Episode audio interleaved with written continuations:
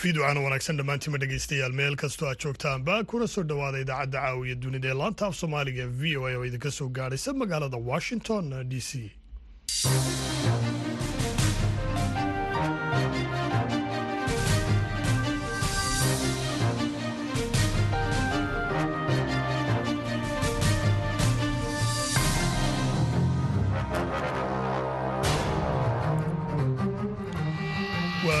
salaasaha taariikhduna ay tahay koob iyo soddonka bisha oktoobar ee sanadka laba kun iyo saddex iyo labaatan. Waxaad naga dhagaysanaysaan moojadaha gaagaaban lix iyo tobanka iyo sagaal iyo tobanka bitirban iyo weliba guud ahaanba dunidood nagala socotaan bogga iyaga v o a somali com. Haataana dhegaystayaal saacadda afrikada bari waxay tilmaamaysaa toddobadii fiidnimo. Idaacaddana waxaa halkan idinkala socodsiin doona. Aniga oo cabdixakiin maxamuud shirwax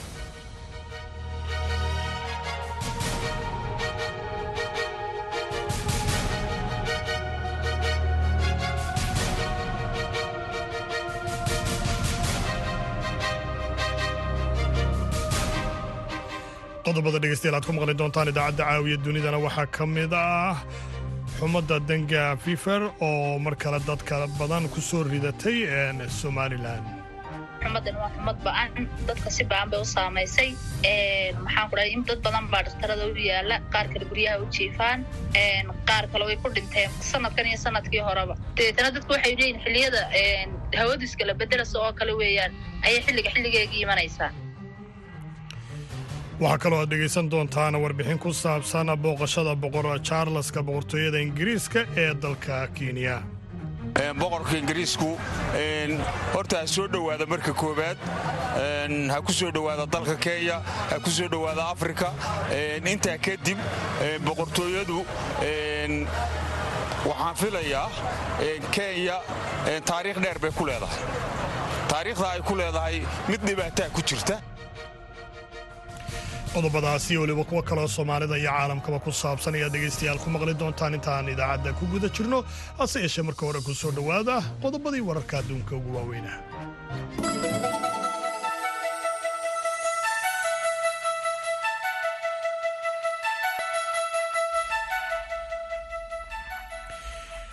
laba ka mid a xogeeyayaasha madaxweyne jo biden ayaa maanta aqalka sharci dejinta weydiistay inay israa'iil balaayiin dollar oo dheeriya siiyaan xilli aqalka koongareesku uu sameynayay dhegaysi fadhigaasi oo ay si istaba joog ah u soo dhexgelayeen dad mudaharaadaya oo saraakiishana maraykanka ah ku eedeynaya inay taageerayaan xasuuq ka dhana falastiiniyiinta. Xogeeya arrimaha dibadda maraykanka antony blinkan iyo weliba xogeeyaha gaashaandhigga leod estin ayaa guddida jaangoynta ee aqalka sanadka waddanka maraykanka u hortegay.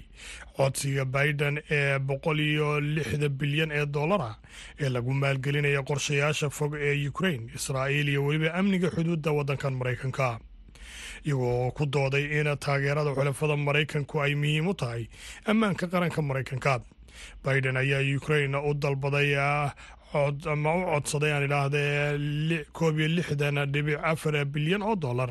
Lacagtaas oo kala badha lagu bixin doono in maraykanku ay dib u soo camiraan kaydka hubka oo dhammaaday amaba ka dhammaaday ukrain kooxda xuutiyiinta ee yeman ee ay iiraan taageerto ayaa sheegay inay maanta israa'iil ku rideen.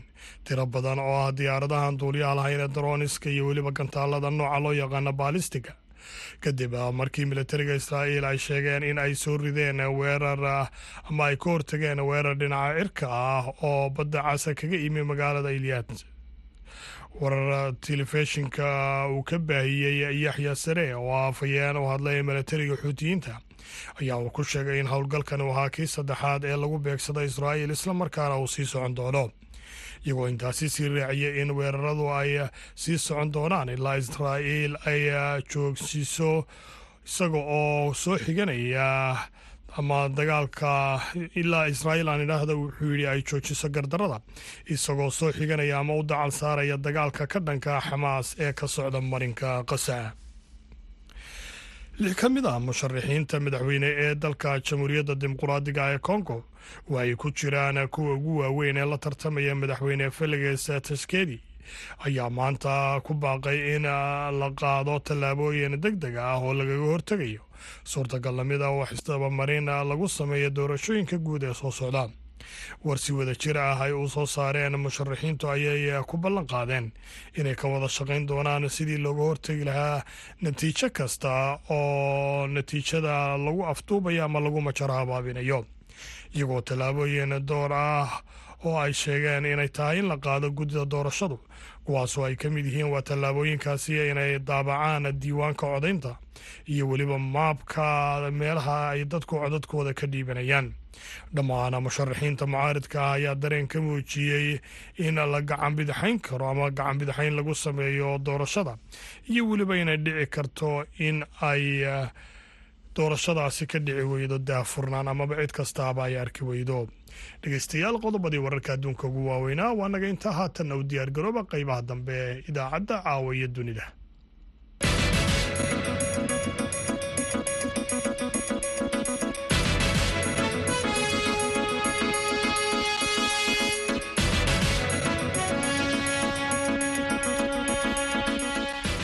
fiidocana wanaagsan ayaan dhammaantiinba idin leeyahay. Meel kastoo aad joogtaanba. Aan ku bilownay magaalada hargeysa iyo weliba guud ahaanba magaalooyinka somalilan ayaa waxaa toddobaadyadii u dambeeyey laga soo sheegaya in xanuunka la yidhaahdo xumadda danga iyo inuu dad badan ay mar kale ay u soo ridanayo. Xumadan dangaah ayaa ah xanuun ka dhasha fayraska dengiga oo ay gudbiso kaneecada loo yaqaano edis hbt waxaana uu ku bilowdaa xumad sare iyo weliba lafa xanuun kala goyaya dadkaasi amaba uu ku soo haleela xanuunku guryahayaga saare ciidla nuur ayaa la hadashay saraakiisha caafimaadka ee somalilan islamarkaana warbixintan nooga diyaarisay. Xanuunkan lagu magacaabo denki fifer waxay bulshadu ku aqoonsataa magaca xumadda waxaanay toddobaadyadii la soo dhaafay baraha bulshada aada iskugu dhaafsanayeen in uu soo laabtay mar kale xanuunkii xumadda ee sannadkii hore xilligan oo kale dad badan galaaftay saynab cismaan waa mid ka mida gabdhaha dhallinyarada magaalada hargeysa ku nool. Waxay ka warramaysaa dad ay taqaano oo xanuunku soo ritay inta lagu guda jiray bishan oktoobar ee haatan sii dhammaanaysa. Kuwaasi oo qaarkood ka bogsadeen kuwa ay weli cusbitaallada yaallaan qaarkoodna ay geeriyoodeen xumadan waa xumad ba'an. Dadka si ba'an bay u saamaysay. Maxaan ku dhahay in dad badan baa dhakhtarada u yaalla qaar kale guryaha u jiifaan qaar kale way ku dhinteen sanadkan iyo sannadkii horeba. Dabeetana dadku waxay leeyihiin xilliyada hawadiiskala bedelasa oo kale weeyaan ayay xilliga xilligeegii imanaysaa. Waan gartay dadka qaar inan baa jirayba maalin dhaweyd dhakhtarka weyn ku dhintayoo saasoo kale intay ku dhacday xumadda matag buu xataa lahaa. Xumad fara badan buu lahaa. Marka hore duri baa la mooday.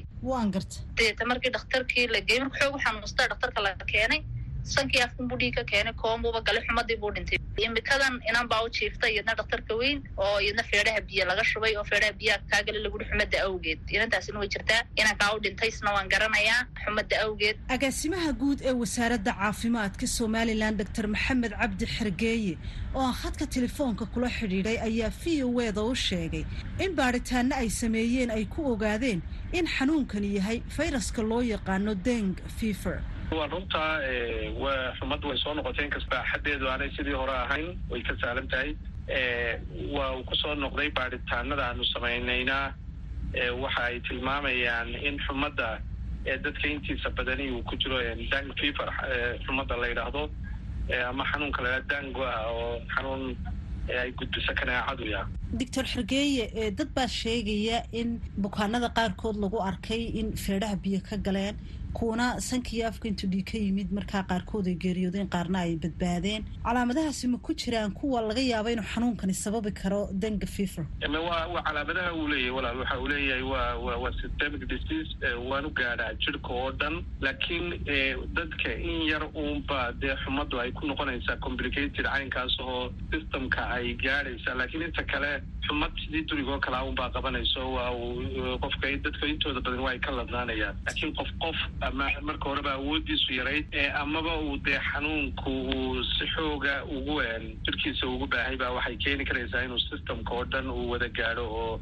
sambabada iyo beerka iyo meelo badan uu jirka uu gaadhi karo sida ay dhakhaatiirtu sheegeen xanuunkani waa mid ka mid a xanuuno loo yaqaano viral infections waxaana gudbisa kaneecada dhadig. Inkastoo dadku ku kala duwan yihiin sida xanuunkani u saameynayo iyo weliba muddada ay kaga bogsanayaan haddana dadka badankoodu waxay dareemayaan calaamado ay ka mid yihiin xumad xaraarad sarraysa muruqyo xanuun laabatooyinkoo xanuuna cuntada oo aanay cuni karin iyo awood la'aan.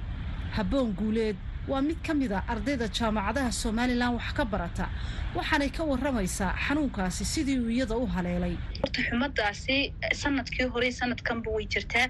Aniga waxay iigu dhacday waxaan darmoodayay inay qanjihii xanuunayaan waxaan dareemi jiray sida qanjuhu markay qofku xanuunayaan oo kale. Haddana xumad baan isku arkay fara badan kadib waxaan moodayay inuu hergabi hayo oo sidii durayga oo kalean dareemay laakiin waxaan ogaaday sheekada inay duray aada uga dheer tahay. Waxaan dareemay indhaha oo aada ii xanuunaya calaamada durayga aanu lahayn oo ay ka mid tahay inuu qofka indhuhu xanuunaan oo gunta indhuhu ku xanuunayaan. Inaad dareemaysid muruqyada oo dhan ku xanuunaya lafaha kalagoysiyada ku xanuunaya waxba qabsan karin gacmahoo dhan iyo tamartu kaa tegayso waxaan dareemay matag waxaan dareemay yalaalugo waxaan dareemay xumad aanba aynu calaamada aad wax u badan bay walaa leedahay waxay i haysay. Sideed cisho ayaan horta aada ugu darnaa oo ilaa awoodda iga tagtay oo ma tegayey oo xanuun aada xumad aan jabayn oo aad iyo aada u daran baan lahaa. Xitaa irbadda baarasitimosha marka laygu mudo farmasiga laygaga soo mudo laba saacadood waxaan ka badnayna may haynin. Laba saacadood gudahoodba xumadii bay bilaabaysay qaraacii iyo indhahoonad waxba kala qaadi karin matag abateed xumoonad cuntadii kuusoo urayso. Sideed cishaan aada ugu horta aada xaaladaydu walaal u cuslayd intii ka dambaysay laakiin waan soo roonaanay doctor cismaan ow axmed oo ah dhakhtar ku takhasusay xanuunada guud ayaa sharaxaad ka bixinaya sida looga hortegi karo amaba loo yareyn karo faafitaanka xanuunkan. Iyo sababta xumadan waxa weeyaan virus ku dhacay dadka bini aadamkaa waa kanaacadu gudbinayso. Qoyska waxaa la gudboon in qaniyada kanaaca la iska ilaaliyo mara kanaaca la xidho dadka hore mara kanaaca xidhaan maxaan ku dhahayay guriga hadday ku jiraan meelo biyo fadhiyaan oo waaladiita daarada taayarra ku yaalaan ama weel biyo ku dhacayaan roobka daaya xanuunkan wuxuu dhacaa xilliga roobku daaya kanaacadu dilaacayso wixii biyo fadhiisina agagaarkaaga inaad iska hagaajiso.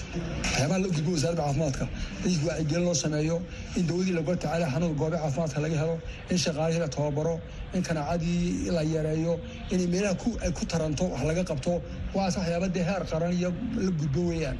Qofka shaksiga wuxuu la gudboona waynu sheegay. Laga soo bilaabo bishii sebtembar ee sannadkii hore ee labadii kun iyo laba iyo labaatankii ayay ahayd markii ugu horreysay ee dadka reer somalilan ay ka war heleen xanuunkan baaxadda leh ee dadka soo ridanaya dadka uu ku dhacay waxay lahaayeen da' kasta. Hase ahaatee ee bilihii kulaylaha markii la galay ayay hoos u dhacday tirada dadka uu ku dhacaya xanuunkan balse sanadkan labada kun iyo saddex iyo labaatanka markii la soo gaadhay bartamihii bishii sebtembar ayaa mar kale xanuunkii dib ugu soo noqday iyagoo dadkii ugu horreeyeyna la sheegay inuu soo ritay bartamihii iyo dabayaaqadii sebtembar iyo ilaa bishan oktoobar ee haatan sii dhammaanaysa balse xarumaha caafimaadku waxay sheegeen in tirada dadka sanadkan la keenaya ay aada uga hoosayso tirada sannadkii hore xilligan oo kale u jiiftay xanuunka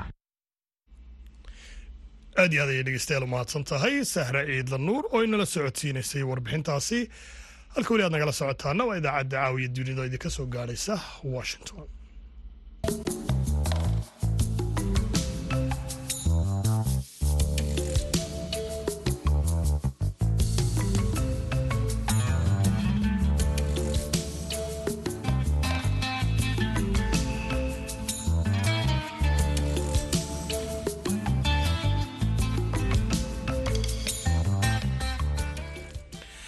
aqalka cad ee looga arrimiyo dalkan maraykanka ayaa isniintii soo dhoweeyey gargaara bani aadamnimo oo xadidan iyo weliba dib u soo celinta isgaarsiinta qasa iyadoo israa'iil ay sii waddo weerarka dhulka ah ee ay ku hayso deegaankaasi taasoo ay kaga jawaabaysa weerarkii kooxda xamaas ay toddobadii bishan oktoobar halkaasi ku qaaday. Warbixin ay v o a arrintaasi ka qortay waxaa inoo soo koobaya jamaal axmed cismaan john kirby agaasimaha isgaarsiinta istaraatiijiyadda ee golaha amniga qaranka ayaa yidhi maraykanku waxa uu fariin u dirayaa cid kasta oo doonaysa inay ka faa'iidaysato arrimaha gobolka ka taagan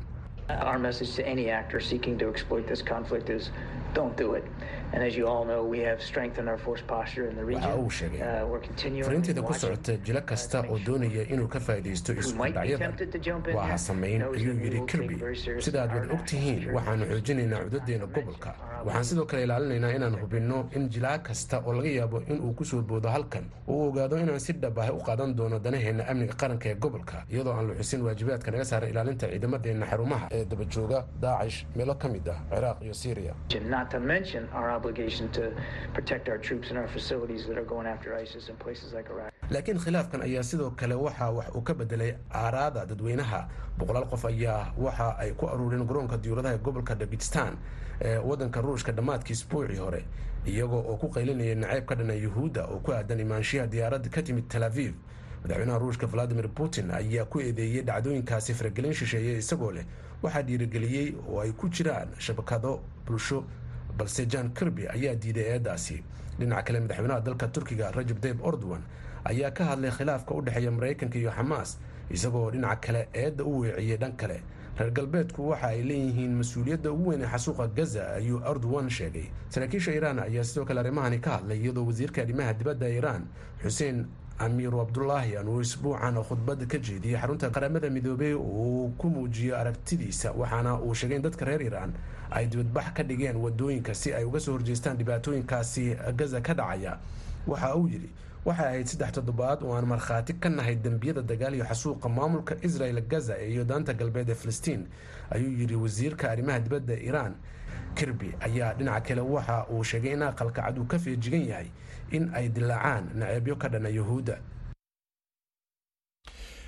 waagaag dhegeystayaal aad iyo aad ayuu mahadsan yahay jamaal axmed cismaan oo warbixintaasi nala socodsiinayey madaxa hay'adda qaramada midoobay u qaabilsan caawinta falastiiniyiinta ee unra ayaa isniintii sheegay in dadka rayidka ah ee ku noola marinka qasa ah ay la kulmaan ciqaab wadareed iyo weliba barakicin qasaba iyadoo israa'iil ay sii xoogeysay dagaalkeeda ka dhanka xamaas.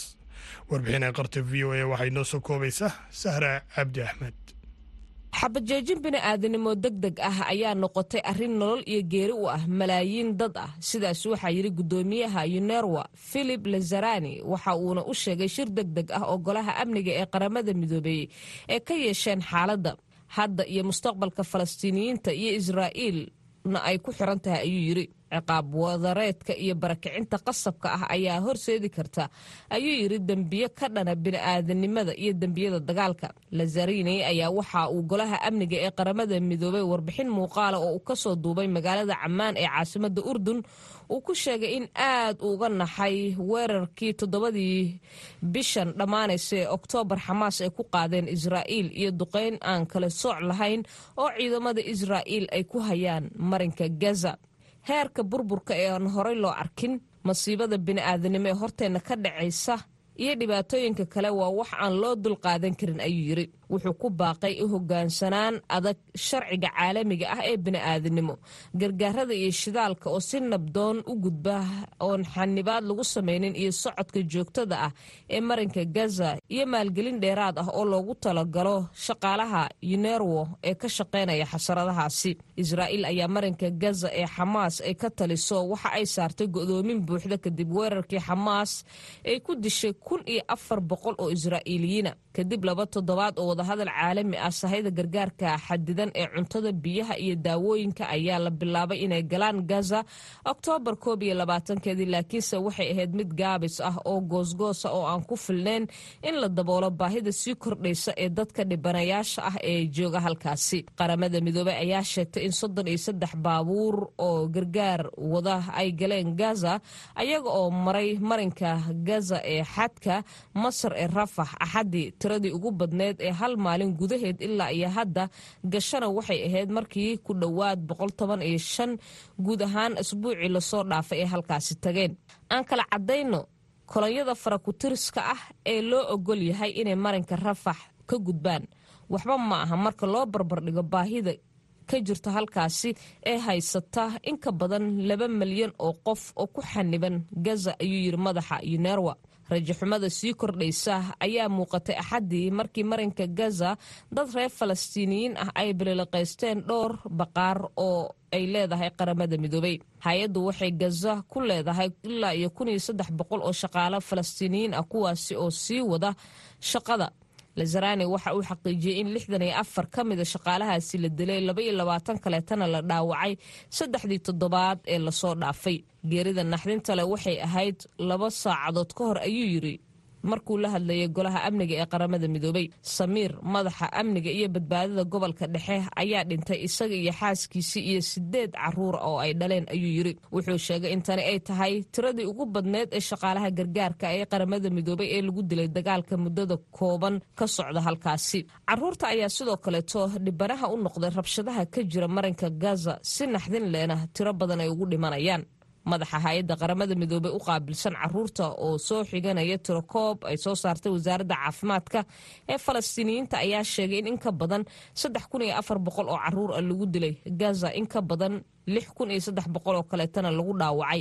Tirooyinkan ayaa waxa ay sheegtay warbixintan sida ay qortay inaysan si madax bannaan u xaqiijin karin. Tani waxa ay ka dhigan tahay ayaa la yidhi in in ka badan carruur ah lagu dilo ama lagu dhaawaco gaza maalin kasto tiro ka mid ahna waa in mid kasta oo naga mid ah ay gilgilayso annaga. Sidaasi waxaa tiri agaasimaha fulinta ee unisef catherine russell oo iyadu la hadlaysay golaha amniga ee qaramada midoobay. Waxaa sidoo kaleeto ay cambaaraysay dilka ugu yaraan soddon iyo toddoba carruur ah oo lagu dilay daanta galbeed iyo in ka badan soddon carruur oo israa'iiliyiin ah oo lagu dilay sida ay sheegeen weerarkii toddobadii oktoobar aad iyo aad ayay dhegeystayaal mahadsan tahay. Saare cabdi axmed oo warbixintaasi oo ay v o a diyaarisay nala socodsiinaysay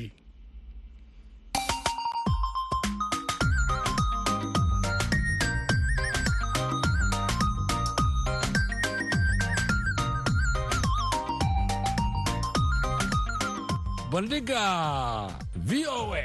Barnaamijka bandhiga v o a waa barnaamij oo idinku tala gashay laanta af soomaaliga ee v o a bandhigga v o a waxaad khamiis walba kaga bogan kartaa qormooyin kala duwan oo la xidhiidha taariikhda iyo aqoonta guud dhaqaalaha sharciga iyo samafalka.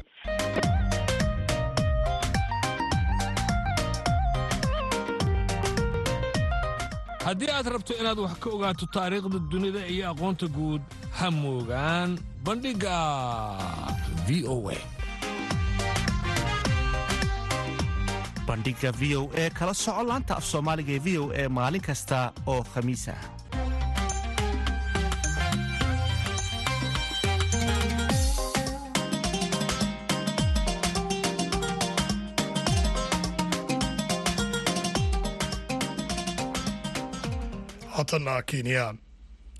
boqor charleska saddexaad ee dalka boqortooyada ingiriiska iyo weliba ooridiisa kaamil ah ayaa safarkii ugu horreeyey ee ku tegay waddankaasi barwaaqa sooranka tan iyo intii uu la wareegay qasriga buckingham balas islamarkaana haatan ku gaadhay dalka kenya. Boqor charleska dalkaasi ingiriiska ayaa joogaya waddankaasi kenya muddo afar maalmooda waxaana xarunta madaxtooyada ku soo dhoweeyey madaxweynaha dowladdaasi kenya william ruto. Safarka boqor charles ayaa waxaa hadheeyey baaqiya ay dadka u dhashay waddankaasi kenya ay u soo jeedinayaan boqorka taasoo la xidhiidha inuu raaligelin iyo weliba magdhow uu ka bixiyo. Tacdiya ay reer kenya ka sheeganayaan in britain ay geysatay islamarkaana ay ka geysatay waddankaasi kenya xilligii ay gumaysan jireen. Charles iyo weliba ruto ayaa sida oo kale waxa ay ka wada hadlayaan xoojinta iskaashiga kenya iyo weliba ingiriiska. Warbixintan waxaa inoo haya khadar maxamuud xareed. Markii uu boqorka dalka britain charles saddex iyo xaaskiisa kamila ay soo gaareen dalka kenya waxaa soo dhoweyn aad u sarraysa xarunta madaxtooyada ee dalka kenya ugu sameeyey madaxweynaha kenya william ruto. Iyadoo intaasi kadibna ay boqorka iyo boqoradda dalka britain ay booqdeen goobo taariikhi ah sida xarunta beerta xorriyadda oo uu ku dhex yaallo madxafka qaranka kaasoo ku yaalla bartamaha magaalada nairobi. Halkaasoo daqiiqad aamusnaan ah loogu maamuusay dadkii naftooda ku waayey halgankii xorriyaddoonka ee dalka kenya. Booqashada boqorka britain ee kenya ayaa noqonaysa tii ugu horreysay ee uu ku tago qaaradda afrika iyo waddan ka mid ah waddamada barwaaqa sooranka loo yaqaano labada dhinac ee kenya iyo britain ayaa sidoo kale ka wada hadli doona xoojinta xiriirka labada waddan gaar ahaana arrimaha deegaanka farshaxanka hal abuurka tiknolojiyadda iyo fursadaha da'yarta. Safarka boqorka britain saddex ee kenya ayaa waxaa hareeyey baaqyo kala duwan oo ay dadka kenyaanka ah ay ugu baaqayaan charles inuu raaligelin iyo magdhow uu ka bixiyo tacadiyo ay sheegeen in xilligii xorriyadoonka kenya ay dalka britain ay ka geysatay gudaha kenya. Dadka aragtiyadaasi qabana waxaa ka mid ah soomaalida ka soo jeeda gobolka waqooyi bari ee kenya oo aynu wax ka weydiinay sida ay u arkaan dareenkooda ku aadan booqashada boqorka britain ee kenya. Magacaygu waa cabdicaiis cabdi oday soomaaliyeed oo ku nool xaafadda islii haddii aragtidayda aan u dhaadhaco iyo boqorka booqashada ku yimid dalka kenya boqorka ingiriisku horta ha soo dhowaada marka koowaad. Ha ku soo dhowaada dalka kenya ha ku soo dhowaada afrika. Intaa kadib boqortooyadu waxaan filayaa kenya taariikh dheer bay ku leedahay. Taariikhda ay ku leedahay mid dhibaataa ku jirta. Midda dhibaato waxaa ka mid ah dhibaatooyinkii ay kenya guud ahaan ka geysatay dowladda ingiriiska iyo boqortooyadii ingiriiska annaga khaas ahaan soomaalida. Saamayn gooniyuhu nagu leeyahay waqooyi galbeed dalka kenya. Dhibaatooyin fara badan baa laga geystay xilligii boqortooyada. Ay ma garanaysaa xilligii koloniga guud ahaan soomaaliyana dhibaatay ka geysteen boqortooyadii ingiriisku annagoo soo dhowaynayna haddana inaannu sheegno wixii xuquuq ahaa ee ka maqnaa ama loo geystay dadka soomaaliyeed hadday tahay waqooyi bari kenya hadday tahay bariga etoobiya soomaalida dhibaatay u geysatay dowladda ingiriisku hadday tahay daraawiishtii marka waxaasoo dhan waxaan is leeyahay waa fiishin cusub magacayga waa sakariin maxamuud maxamed arrintan ka hadlayna waa arrinta imaashaha boqorka ingiriiska ee waddankan kenya. Marka waxaan leenahay soo dhowaada boqorka. Marka ra'yigaygana intaas waa aniga wax kale oo dhaafsan ma jiraan hase yeeshee boqortooyada britain ayaa goor sii horreysay sheegtay in boqor charles uu wakhti uu gelin doono inta uu ku sugan yahay kenya inuu ka garaabo fahamkiisa ku aadan khaladaadkii ay kenyaanka ay kala kulmeen xilligii gumaysiga ingiriiska. Magacayga haddaan ku bilaabo abshir cali khadarow su'aashaadii weydiisay ahayd boqorka ingiriiska ee kenya booqashadii ugu horreysa ku imaaday. Waxaan leeyahay taa imaado laakiin waxaan u malaynayaa dee wixii uu geystay inbuu magdhowgii u bixinaya waan u malaynaya laakiin hadduusan mar magdhowgiiyo dhibaatadii ingiriisku afrika ka geystay uusan bixinaynin dee macno kale u imaanaya male waa nin iska imaaday. Marka aniga aragtiyadu kulley waasaa marka waxaan leeyahay hadduu magdhowgii iyo xaqii iyo dadkii ay laayeen iyo ay bixinayaan welcome. Haddii kaleetana dee odaygu maalmaha iska joogjoogo iska laabto. Marka intaasaan leeyahay anigu aragtiyadu waa intaas. Wax macno weyn oo kale ku jira male. Hadduu iska socdo salaan ay tahay. Afrika salaan oma baahna dhibaatadii uu geystay baa ilaa hadda qoortiis kula jirtaa. Marka hadduu magdhow siinayo waa okay. Haddii kaleetana dee waxba macno kuma jiraan marka aragtiyadu waa intaas dowladda britain ayaa sannadkii labadii kun iyo saddex iyo tobankii ogolaatay inay magdhow ay siiso in ka badan shan kun oo kenyaan ah kuwaasoo tacadiye kala duwan kala kulmay. Intii uu socday kacdoonkii mawmaw heshiiskaasi oo uu ku kacayo ku dhowaad labaatan milyan oo gini oo u dhiganta shan iyo labaatan milyan oo dollar safarka boqorka britain ee kenya oo qaadan doona afar maalmood ayaa laba ka mid ah waxa uu ku qaadan doonaa magaalada xeebta ee mombasa waxaana safarkiisa qayb ka ah la kulanka dhallinyarada ganacsatada iyo qaybaha kala duwan ee bulshada ee kenyaanka ah. Guud ahaan ammaanka kenya ayaana aad loo adkeeyey. Khadar maxamuud xareed v o a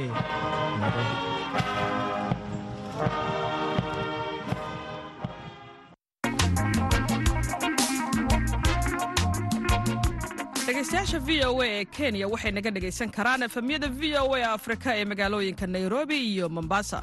Nairobi waxaad naga heli kartaan efemta boqol iyo toddoba dhibic shan. Mombasana waxaad naga dhegaysan kartaan efemta boqol iyo toddoba dhibic sideed ha moogaan idaacadda v o a kuna xidhnow warka v o a iyo barnaamijyada kala duwan ee idaacadda ka baxa maalin kasta. Ka dhegayso efemyada v o a ee magaalooyinka muqdisho hargeysa nairobi mombasa iyo efemyada aan bahwadaagta nahay oo ka howlgala magaalooyinka soomaaliya qaar iyo meelo ka baxsan. Haddii ay ku seegaan macluumaadkeenna ha muugaan bogga aan ku leennahay internetka ee v o a somali com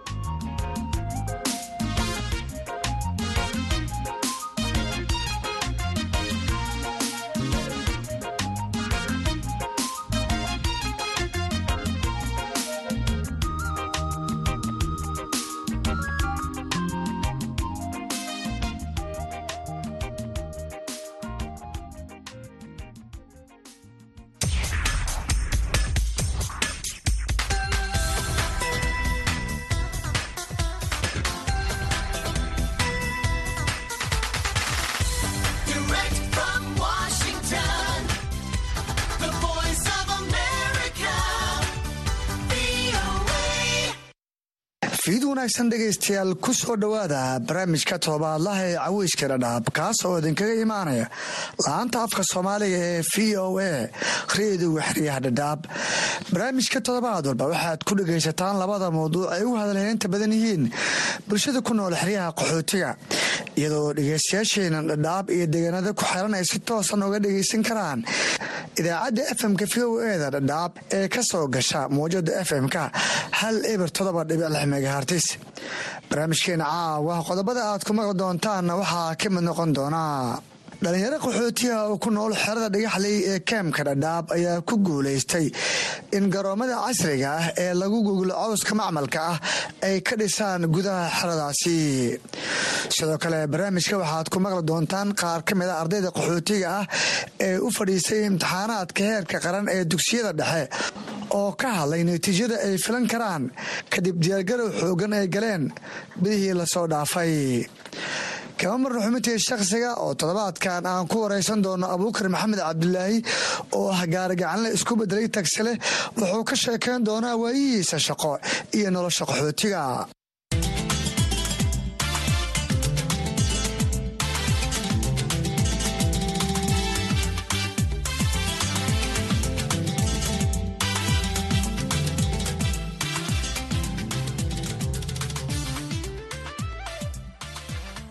barnaamijka waxaa idinla socodsiinaya aniga oo ah cabdisalaan axmed.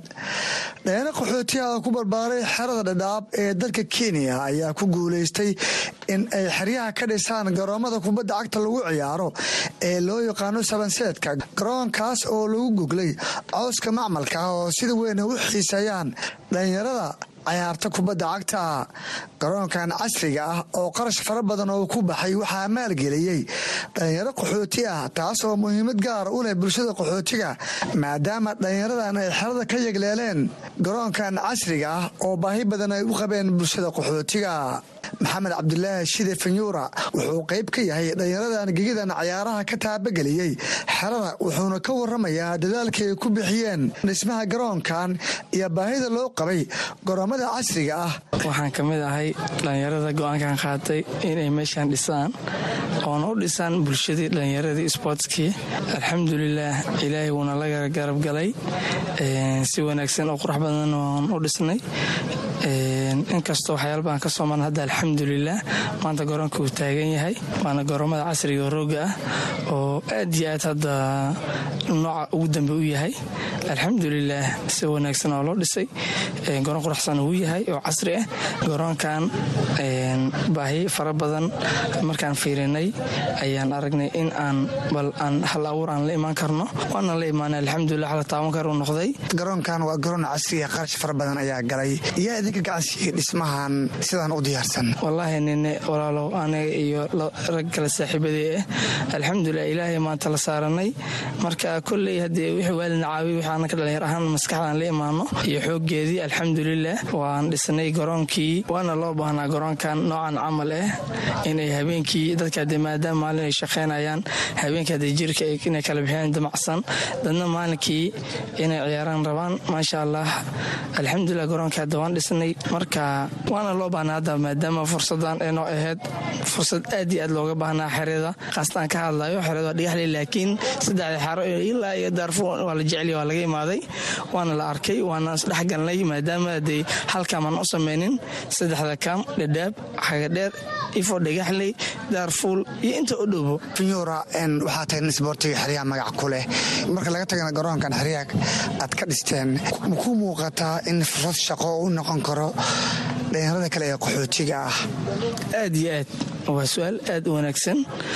Annaga markaan dhisaynay waxaan u dhisnay in dhallinyaro aan fursad siino. Annagana aan ku noolaano maadaama hadda shan dhallinyaro aan shaqo gelinay aan hadda shaqa abuurka koowaad ayakaan ku bilownay aanaan insha allah maxaan rajeynaynaa oo qorshaha noogu jiro uu yahay jim in murqaha iyo caloosha la dhiso. Alxamdulilah taa lafteeda iyadana waa shaqo kaleeto waana loo baahan yahay dhallinyaro ka shaqaysato maadaama waxaan jecelna annaka dhallinyaradii inaan muqaadaraadkii iyo tahriibkii aan ka reebno. Maadaama dhallinyarada aad iyo sports ay wada tahay maxaan jecelna inaan ku mashquulno xagga jimkii xaggii garoonkii hadday noqoto. Facebooka labaad maxaa waay? Jimkaas waan jecelnahay shan ma tobankaas ilaa toban kaleet ka sii shaqeeyaan. Bulsho ugu talagalnay marka maxaan rabnaa inaa ininka soo dhowaataan aana dhiirigelisaan aanaga niijibin shaqadan aana garab istaagtaan maadaama annaga uma samaysanin keligeena inaan oradno ininka waan idiin baahna annaga waana noo baahantihiin alxamdulilah maxaana jecelnahay in aad na garabka istaagtaan.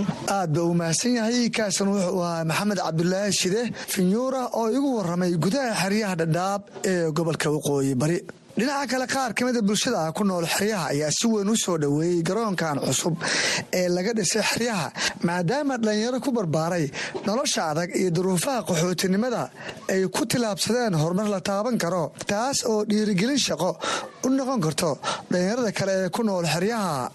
Waa kan iftin cali daahir oo xubin ka ah dhaqdhaqaaqa da'yarta qaxootiga oo ka waramaya muhiimadda garoonkan u leeyahay shaqa abuurka dhallinyarada waa maasanta cabdisalaam waa ku dhahay idaacadda v o e marka labaad. Barnaamijkan laga hergeliyey dhallinyarada ay ka hergeliyeen xerooyinka qaxootiga oo ah in sallaxyada noocan oo kale laga furo. Waxbayna oga dhigantaana aaminsanahay aniga maxaa yeelay dhallinyarada way u baahnayn goobo noocan oo quruxsan. Hore umaysan lahayn qaxootiga in hadda laga furo. Waxweyn bay oga dhigan tahay dhiirigelin bay tahay. Waxay oga dhigan tahay shaqo abuur oga dhigan tahay. Marka waxweyn bay ugu fadhidaa dhallinyarada in garoomo noocan oo kale iyo goobo noocan oo kale ay ka furtaan xerooyinka. Inay wax qabsan karaan ayna tusinaysaa marka waxweyn bay oga dhigan tahay aan aaminsanahay dhallinyarada wax badan isbedelna inay keenaysaan aaminsanahay waa tahay iftanow dhinaca kale marka loo eego in koox dhallinyarada oo qaxooti ah ay isbahaystaan ay garoon sidaan u eg ay maalgeliyaan door intee laag ayay horumarka bulshada ka qaadan kartaa? Wallaahi door fiican ay ku leedahay. Dhallinyaradan waa dhallinyaro qaxooti ku nool oo duruufo badan iyo xaalado badan ay iska haystaan.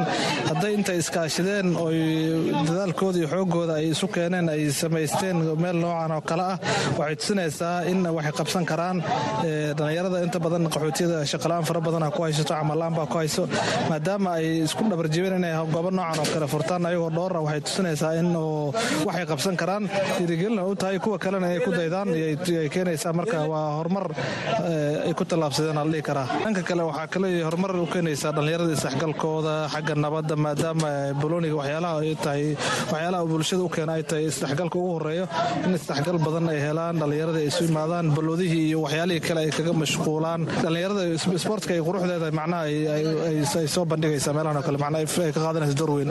Aad buu umahadsan yahay kaasna wuxuu ahaa iftin cali daahir oo u waramay barnaamijka caweyska dhadhaab oo si toosa idinkaga imaanaya la'aanta afka soomaaliga ee v o a ugu dambayntiina bulshada ku nool xeryaha gaar ahaan bahda ciyaaraha ayaa ballan qaaday in dhallinyaradan halabuurka shaqo la yimid ay garab istaagi doonaan maadaama ay fikir shaqo oo muhiim u ah bulshada qaxootiga ah ay ku soo kordhiyeen gudaha xeryaha. Maxamed qaasim xasan xuur oo gudoomiyaha isboortiga xerada dhagaxley wuxuu ballan qaaday inuu la shaqayn doono dhallinyaradan maadaama uu wakiil ka yahay bahda isboortiga xeryaha isagoo xusay xafiisyada hay'adaha uu u garaaci doono bulshada sboortiska ee xeryaha. Aad baan ugu farxanay marka arrintaa noola sheegay oan ka soo qayb galnay oo nagula casuumiyey boqolkiiba boqol waan soo dhaweynayna mar walba iyo marka saddexaadna u baahannahay insha allahu tacaala. Xaradan xaqiiqadii garoon oo casriga noocan oo kale ah horan hal bisaa ka dhisnaa.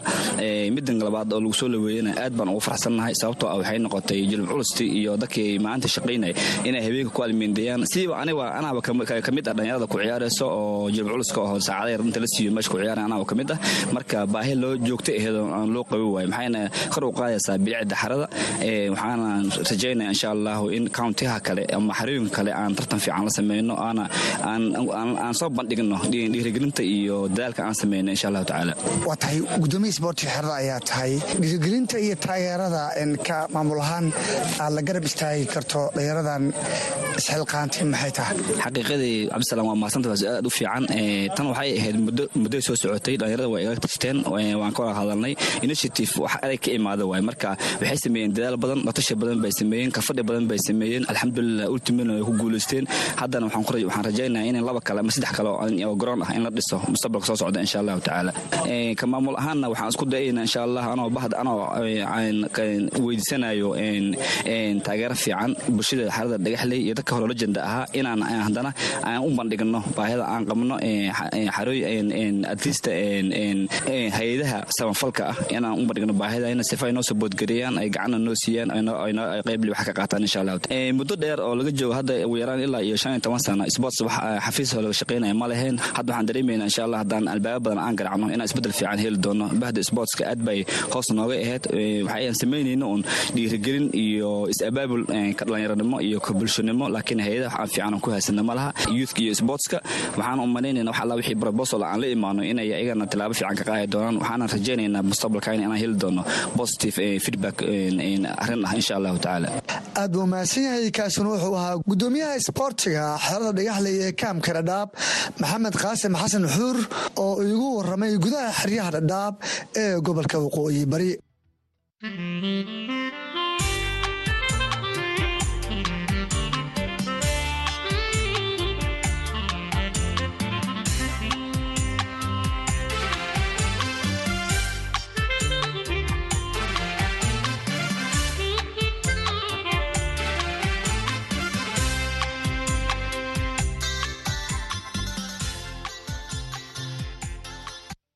waa hagaag. Weli waxaan dhexda kaga jirnaa qaybihii dhexe ee barnaamijka caweyska oo idinkaga imaanaya laanta afka soomaaliga ee v o a.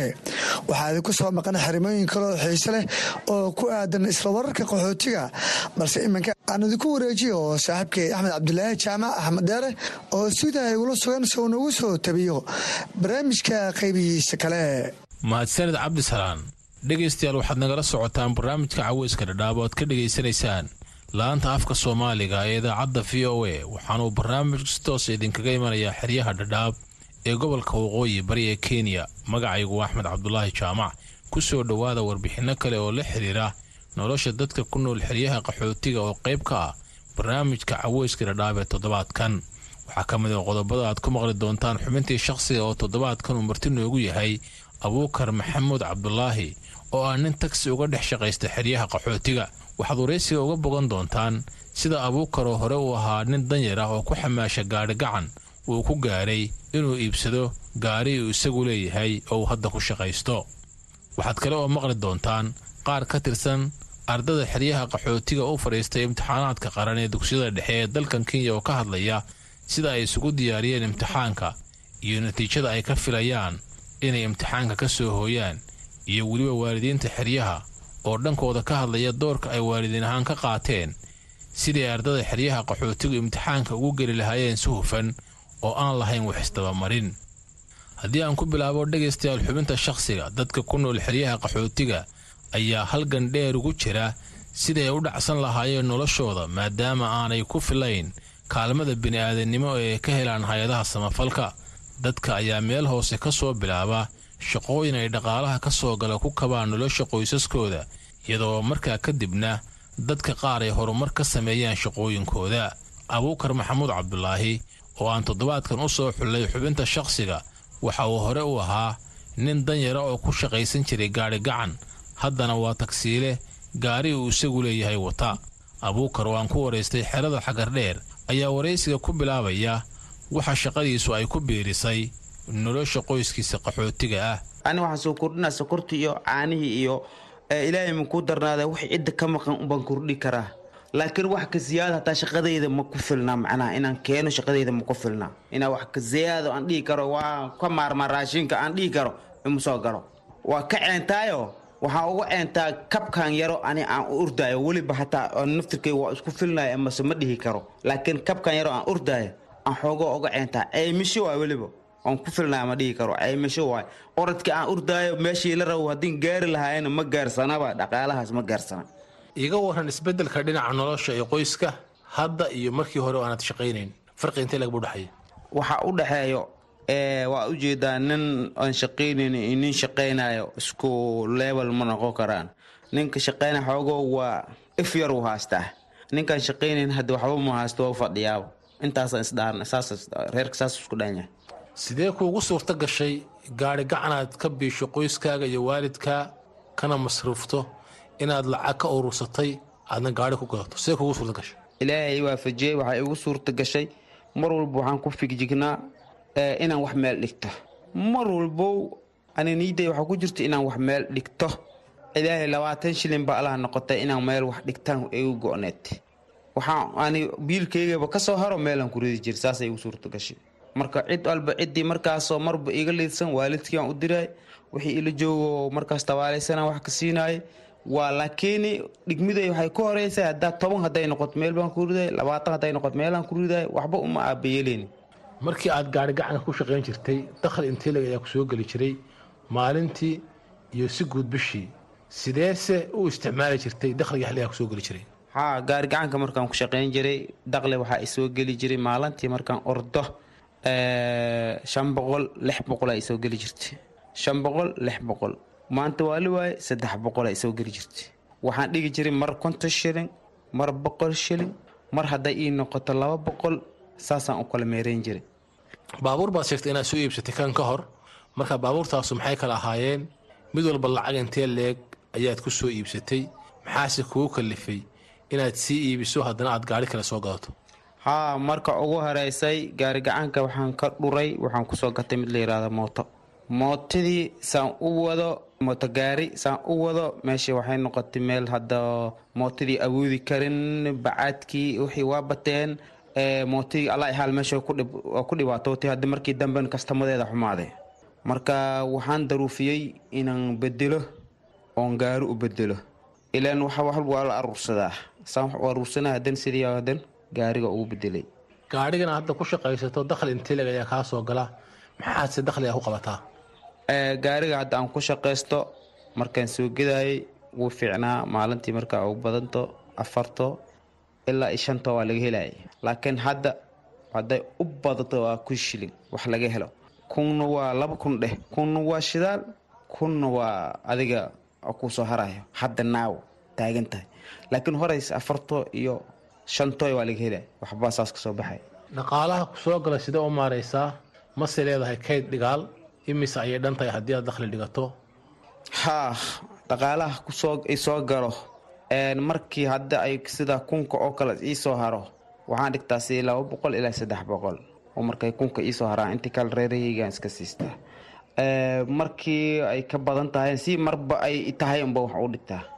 Raashinka gargaarka ah ee la siiyo xeryaha ma waxaad ka maarmi kartaa mase weli muhiim buu kuu yahay oo qoyska muhiim buu yahay.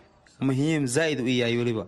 Maba ka maarmi karo. Haddii raashinka aan waayo waaba inaan iska guuro amba inaan meel kale aadaa haddii kalen waaba si kalaan noqonaaba. Muhiim u yahay raashinka. Horaan markii hore aad ku tiirsanayd gargaarka la siiyo qaxootiga noloshaadu sidee bay ahayd? Nolosha aad taasu aada u liidsaneed way bahdilneedba sababto ilan ani ma cidda ani kama shaqaynay ninka gaadidka aa shaqayn laha waa aniga aniga ma shaqaynayne nolosha way bahdilneed nolol ma la sheega ma ahaanba waxaa la sugayo raashinkaas keli. Raashinkaas dhowr shay ayaa ka maqan. Waxaa ka maqan sokortaa ka maqan waxaa ka maqan ilaahay mukacaanihiaa ka maqan hilibkiia ka maqan wax qudaaro dhanaa ka maqan. Hataa cusbadu ay ka maqan tahay. Aaday u liidsaneed noloshaas. Aad aaday u liidsaneed. Kor ma ahayn nolosha. Qoyskaagu goormay imaadeen xeryaha imise sano ayay joogaan hadda qoyskayga waxay imaadeen labada kun sideedda bisha lixaad.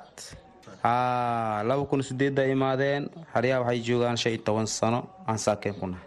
Maxay kaaga dhigan tahay eh, in adiga oo gaari gacanle ahaan jiray inaad maanta tahay mulkiile wata gaari uu isagu leeyahay?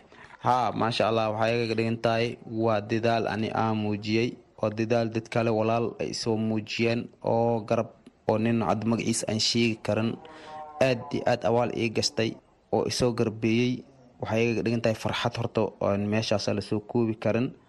Ugu dambayntii muxuu yahay hadafkaaga iyo hiigsigaaga xiga ee aad ku haminayso inaad gaadho mustaqbalka dhow?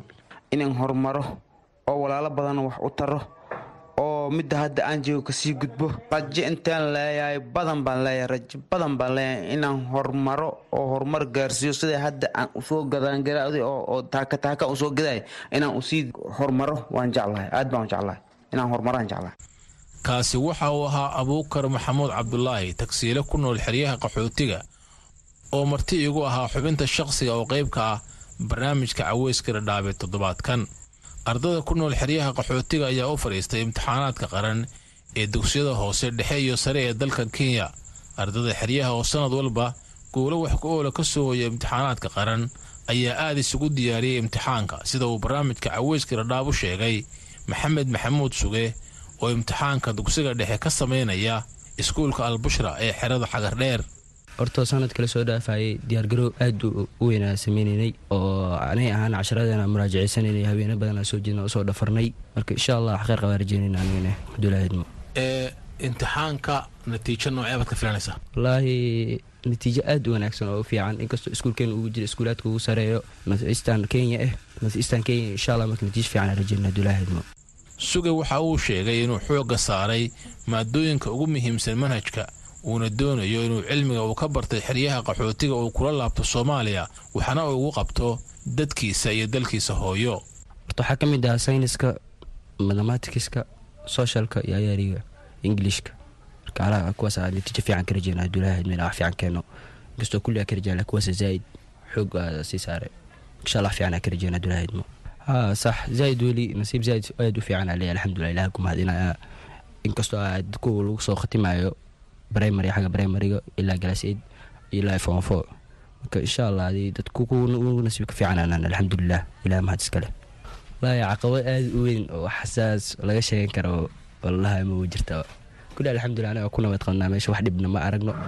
Alxamdulilah insha allah waxaa u imaadaa meeshaan saas ahaba wallahi waxbarasho ilaa waxaa hirsanaya heer jaamacadeed ilaa horumaraa ka gaara insha allah oo mustaqbal fiican meesheeda inaan ka soo saari doono abdulaahidmo inaa dadkayga caawiyo u laabta ay kalaftirkooda aa caawiyo oo horumar meel fiican ugu soo gaaro oo halgamaa soomaali inaa noqdo arjana insha allah insha allah waxay u baahan yihiin oo anna karaankayga eh haddaa wax barasho ay noqotaa wax bari kara dad waa bari. Haddee wax takhasusaa dheer hayne oo u faa'iideen insha allah fartuun maxamuud maxamed oo ka mida gabdhaha sanadkan u fadhiistay imtixaanka dugsiga dhexe ayaa sheegtay inay aada isu diyaarisay ayna rajaynayso natiijo fiican. Wallaahi dadaal fara badan macalimiin badan isku dabamara adii one hour intan jarta aan break timeka iyo line timeka haysano ayaan waxaan isku mari jirnay saddex macalin oo tuushina oo maadooyin keliyana siinayaan si aan maadooyinka noogu adag noogu fududaadaan.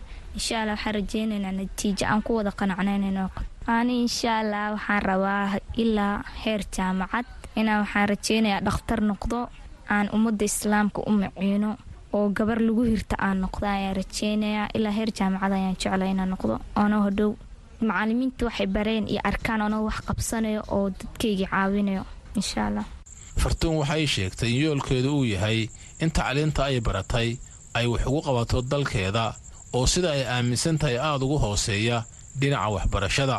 Annaga haddaan soomaali nahnay waxbarashadeena adii loo waayo oo waxbarasho fiican ma haysano. Soo inta waxaa maanta wax ugu baranayo ina waxay tahay soomaaliya dalkayga hooyo. Aan wuxuu qabto dee ummadeenana aan caawiyo insha allah taan maanta wax u baranayo waa taas inaan waalidiinteeda garab qabto. Gabdhaha ayaa mararka qaar waxbarashada dhexda uga hara sababo kala duwan awgeed. Fartuunse waxay leedahay anigu kama cabsi qabo inaan la kulmo waxyaabaha sababa in gabdhuhu ay ka haraan waxbarashada horta taas kama cabsi qabo oo waayo anina inaan hadda guur iyo waxbarashadeeda dhex ugu tago iguma jirto. Sidoo kaleetana waalidkeyga inaan waxbarashadeeda dhex oga tago ma doonayaan oo iyagaaba raali igala ahayn ma sheegin xag alle inay ka qoranta dee ama aan geeriyoodo laakiin si kaleeto inaan uga tago inshaalla ma rajeynayo. Sembir waxaa la gabadha jikoonbaa u dambeys maxay wax ka baranaysaa? Maanta haddii aan ani wax barto ama jiko aan gala ama yaan gelin horta laba gooro waa guursanaya ilmo waa dhalaya hooyo waa noqonaya. So haddii aan hooyo noqdo ilmo aan dhalo ilmahayga yaa hadhow ii caawinayo waxbarashada iskuulka macalimiinta inaan ka dhisaa layga rabaa. Cashiraantooda meelay marayaan inaan ogaada layga rabaa. Inaan aniga wax u aqrin karaa layga rabaa. Ee ma ahan markay ilmahayga iskuulka ka imaadaan baag inay halkaas ku tuuraan? Meelay waxay soo dhigteen wax kaleeta aanan kala garanaynin aan wax aqrin karin waxaan qori karin. Xitaa haddii aan wax barto oo maanta aan raar yeesho i hope ninkayga inaan shaqada ka caawin karo aan arjiyada u qori karo aan garab siin karo. Ayaan ogaa. Dhegaystayaal inta ayuu inoogu egyahay barnaamijkii cawayska dhadhaab ee toddobaadkan. Intasi aanan ka bixin aan mar kale dib idinku celiyo saaxiibkay cabdisalaan axmed cabdisalaan oo barnaamijka ila daadihinayey mahadsanid axmed dheere haatana dhegaystayaal ku soo dhowaada heesta barnaamijka. Subax baad kacdaa sadarka loo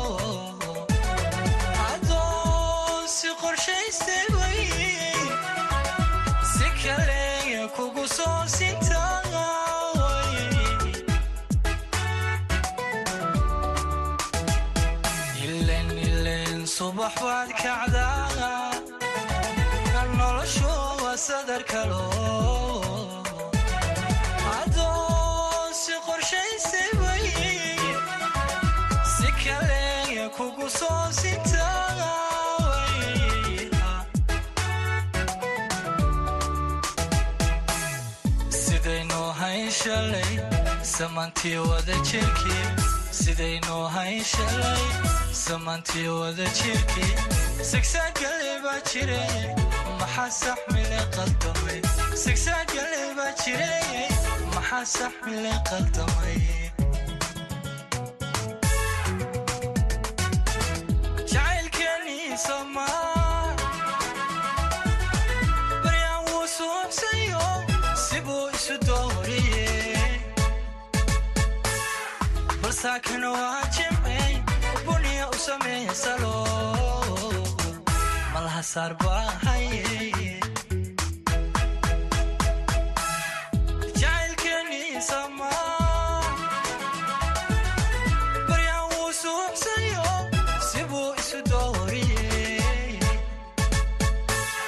balsaakana waa jimcay buniya u sameeya salo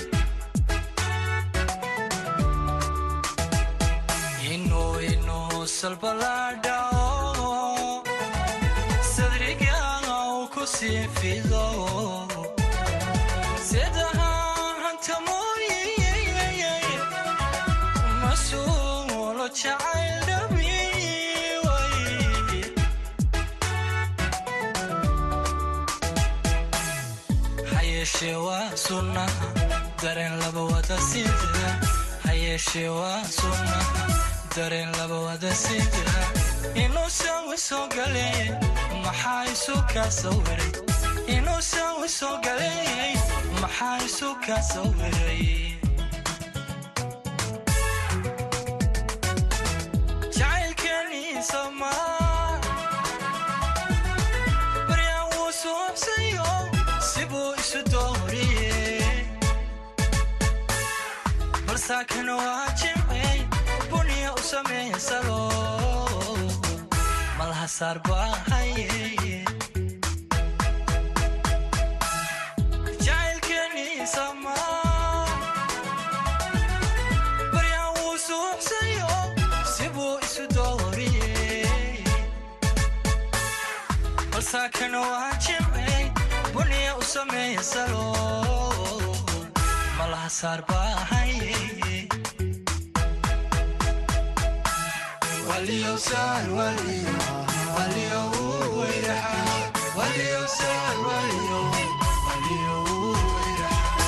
baahaye guudahaan dhegeystayaal barnaamijka caweyska ee toddobaadkan halkaas ayaan ku soo afmeerayaa barnaamijka. Waxaa idiin soo tabanayay anigoo cabdisalaan salas iyo saaxiibkay axmed yaare. Tan iyo toddobaadka dambe intaan dib u kulmi doono waxaan idinku